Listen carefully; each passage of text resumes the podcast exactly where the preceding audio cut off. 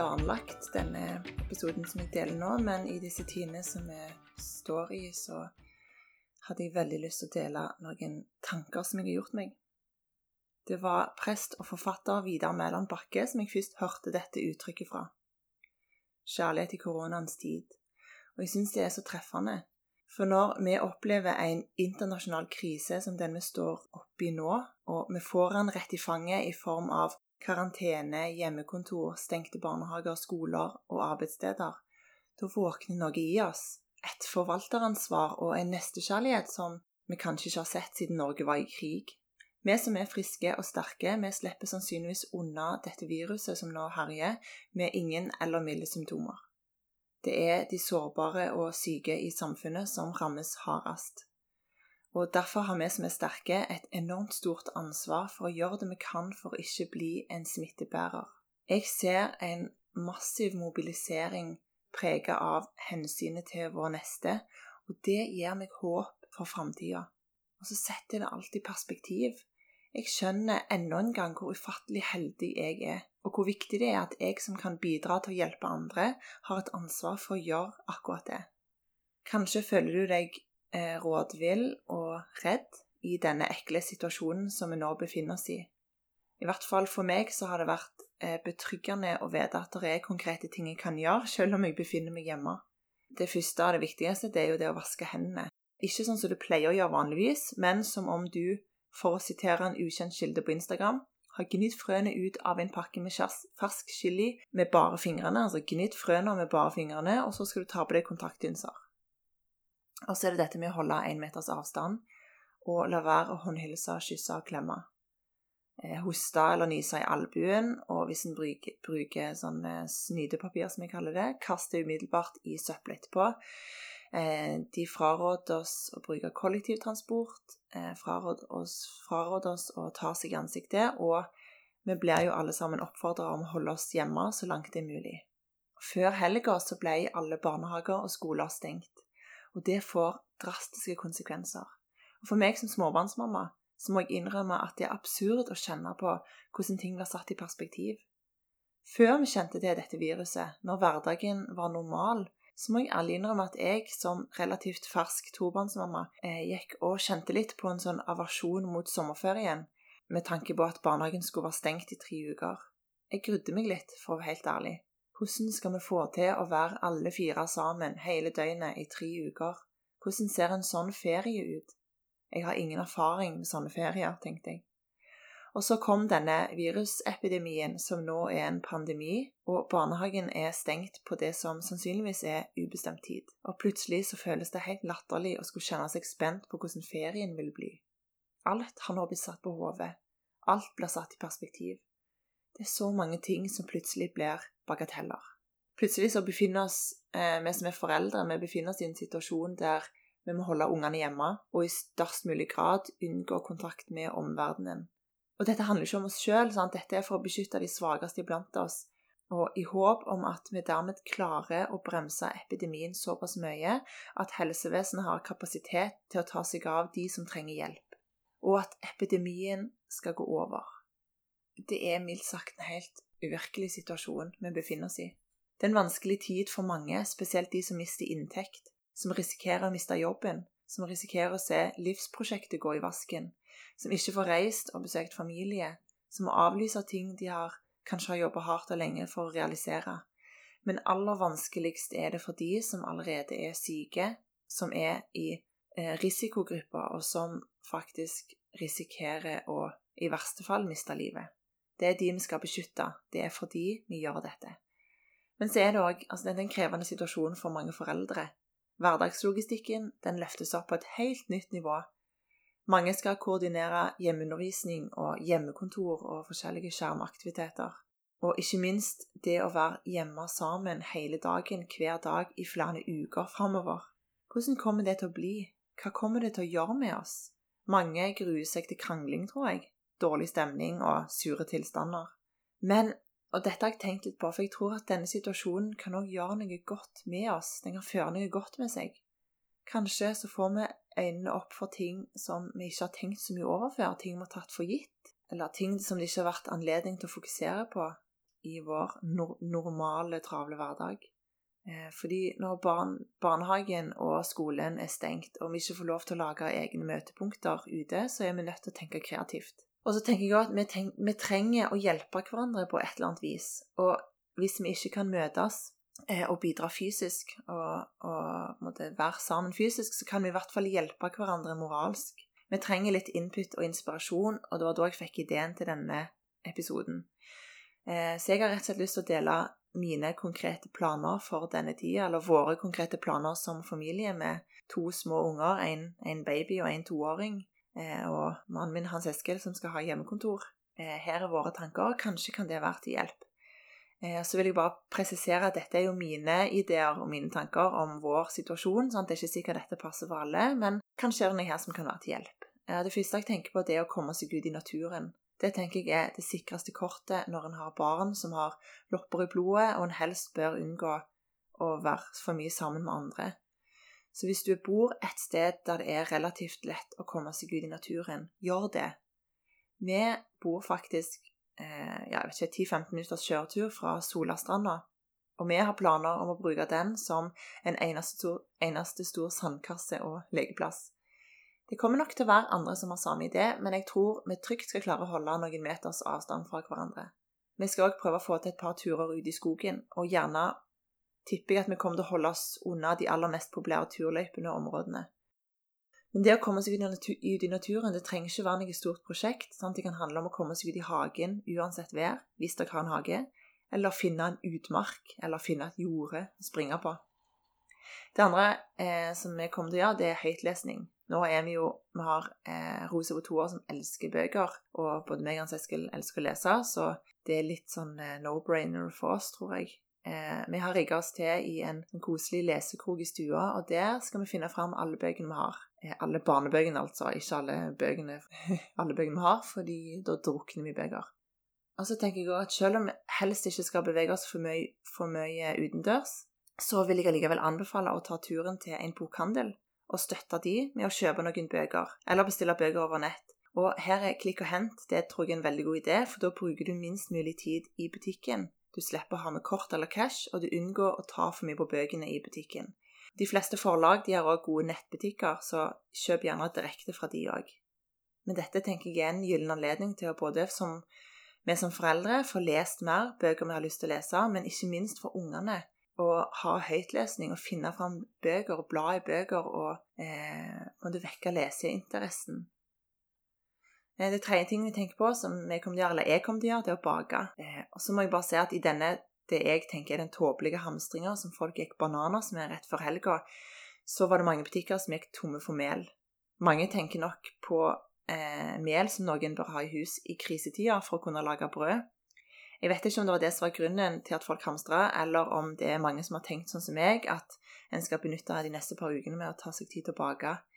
Men uansett så er det å bake det er en slags terapeutisk handling.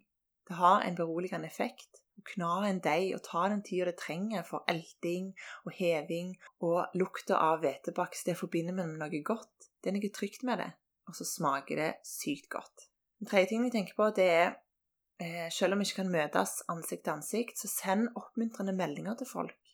Eh, spesielt når vi ikke har anledning til å hjelpe andre rent praktisk. Eh, og jeg tenker det er jo noe av det som er trist i denne situasjonen, det at isolerte mennesker de blir enda mer isolerte. F.eks. eldre mennesker som sitter mye alene, som jo er i risikogrupper i tillegg. Så her tenker jeg at vi kan bruke FaceTime for alt det er verdt. Og nummer fem, tror jeg, skal vi si, nummer fem, ja, vær raus med bruken av barne-TV og iPad. Sånn Generelt sett så snakker vi ofte om skjermtid og begrenser bruken i hverdagen. Sant? Ungene trenger å finne på andre ting. De kan ikke sitte foran en skjerm hele dagen, eller hele kvelden, eller hele morgenen. Eh, vi har ikke iPad, men det finnes visse programmer på barne-TV som Rose kan se igjen og igjen og igjen. Men så tenker jeg at i denne tida så kan vi ha et litt løsere forhold til det. Det er noe trygt med brannmann Sam og byggmester Bob og Peppa Gris i den situasjonen vi befinner oss i nå. Det trenger ikke å skli helt ut, men jeg tenker at det å krangle om skjermbruk, det er ikke det vi skal bruke krefter på akkurat nå. Kanskje det går an å ha barne-TV som faste innslag gjennom dagen for å bryte opp litt. Og det gjelder spesielt oss som er hjemme med helt små barn, som ikke forstår konsepter som karantene og klokkeslett. Og så skal jeg være helt ærlig og si at det kjennes godt å ta en pause fra alle nyhetsoppdateringene med å se på ja, ikke, Fantorangen som maler en rød promp. Så jeg tenker at det, jeg tenker i denne situasjonen her så er barne-TV en god ting. iPaden er en god ting. Nummer seks eh, Og dette har ikke jeg tenkt så mye på før, vi, før nå i helga, egentlig, begynte å tenke på ny uke. Men legge opp dagen nærmest mulig, sånn som man er i barnehage eller skole. Rutiner det er kjempeviktig. Sant? Det er mange barn som blomstrer i rutiner. Og rutiner er med, eller altså forsøk på å lage noen nye rutiner da, er med på å gjøre denne unntakstilstanden litt tryggere. Så tror jeg òg at det gjør det lettere for oss voksne at vi har et konkret rammeverk å forholde oss til, i håp om å skape noen avgrensninger i denne sammensausingen av jobb og familieliv som vi nå opplever. Men så vil jeg òg foreslå å gjøre det stikk motsatte. Nummer syv gjør noe helt utenom rutine. Vær spontan, bryt opp mønsteret, spis middag under bordet. Og kom jeg tenke på eh, forrige episode, der jeg snakket med Maria Celine. Hun beskriver hvordan de en dag bare bestemte seg for at middagen det var Grandiosa på et laken på gulvet. Så det går òg an. Spis frokost til middag. Lag hjemmekino. Bygg fort av puter og tepper. La ungene bestemme hva de skal ha på seg. Ikke tenk så mye på at nå lager vi oss uvaner som vi må jobbe med når hverdagen tar til igjen. Og nei, vi kan ikke gjøre dette, for dette har vi jo vært så strenge på. Dette er jo en unntakstilstand. Og jeg tror at vi trenger litt spontanitet og glede i denne nye, rare hverdagen. Og så vil vi fort nok komme i gjeng igjen.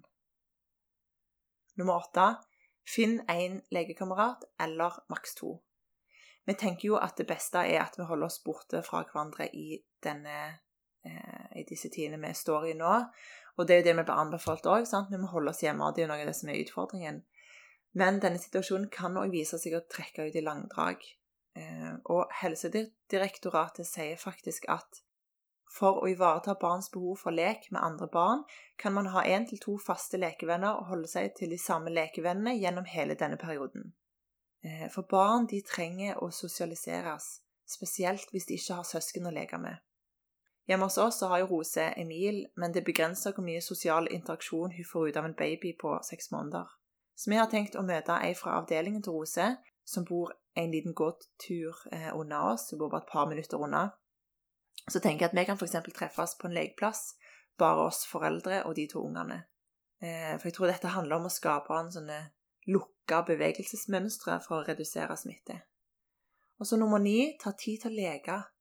Ungene de får plutselig masse tid sammen med oss voksne. Og vi voksne vi trenger å leke, senke skuldrene og tenke på andre ting enn virusutbrudd og globale katastrofer. Å leve seg inn i leken det kommer alle parter til gode. La ungene foreslå aktiviteter, og la deg rive med. I dag for eksempel, så har vi bygd en liten barnehage i Duplo. Komplett med disse, rusjebane, sandkasse og en benk der de skal ha samling. Um, og Rose det er hun som har ansvar for å synge den sangen som de alltid synger ved samling, for den kan jo ikke jeg. Men det er jo jeg som har bygd alle disse tingene, eh, og jeg har storkost meg. Og dette er òg nært knytta til kreativitet, som jeg snakker om i episode 1, så lytt gjerne til den hvis du ikke har gjort det allerede. Og så nummer ti, for de som regner seg som troende, som kristne, og det gjør jeg, så er dette en anledning til å be. Og jeg vet at det er langt fra alle som hører på denne podkasten som er kristne, så jeg har lyst til å trå litt forsiktig her. Men jeg tenker at for de som tenker at bønn er noe som funker og som hjelper, så vil jeg bare si at her står det konkrete bønneemner på rekke og rad.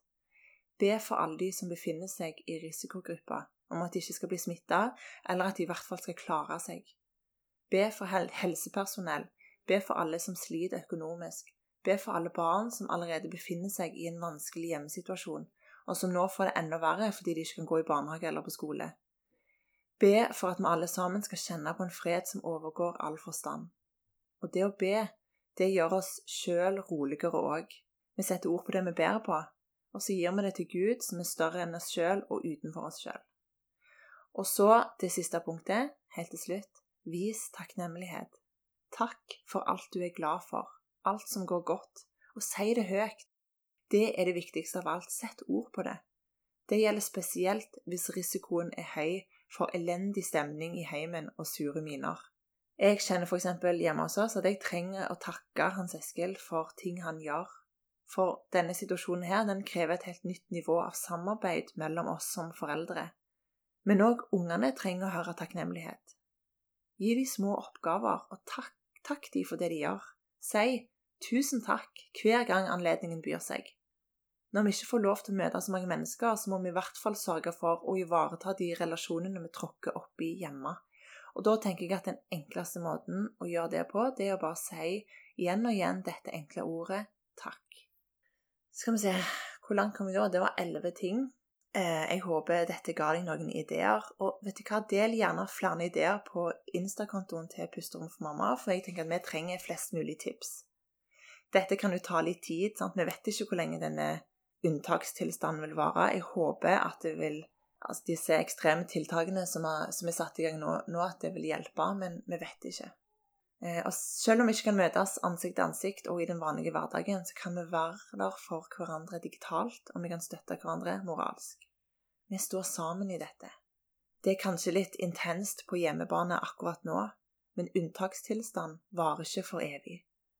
Og én ting vil jeg bare si til slutt, at i alle de kanalene som jeg har hørt om altså på Instagram, Facebook, eh, folk jeg har snakka med, meldinger osv., der jeg har hørt om småbarnsforeldres hjemmesituasjon og reaksjoner på det å skulle være hjemme med ungene hele dagen hver eneste dag, så har jeg faktisk ikke hørt en eneste en som har klaga høylytt. Selv om, det skulle, selv om det egentlig er all, det er all grunn til å gjøre det. For vi vet hvor heldige vi tross alt er. At dette er noe vi faktisk skal klare å stå i og finne glede i. Og det er et perspektiv som imponerer, og som gir meg tro på framtida. Så vet du hva, jeg syns du skal gi deg en klapp på skuldra for akkurat det. Når vi er nødt til å mobilisere, så gjør vi det med glans. Så helt til slutt, lykke til i den hjemmesituasjonen som du befinner deg i. Du er ikke alene. Du er høyt elska, høyt verdsatt og en god nok mamma. Vi høres.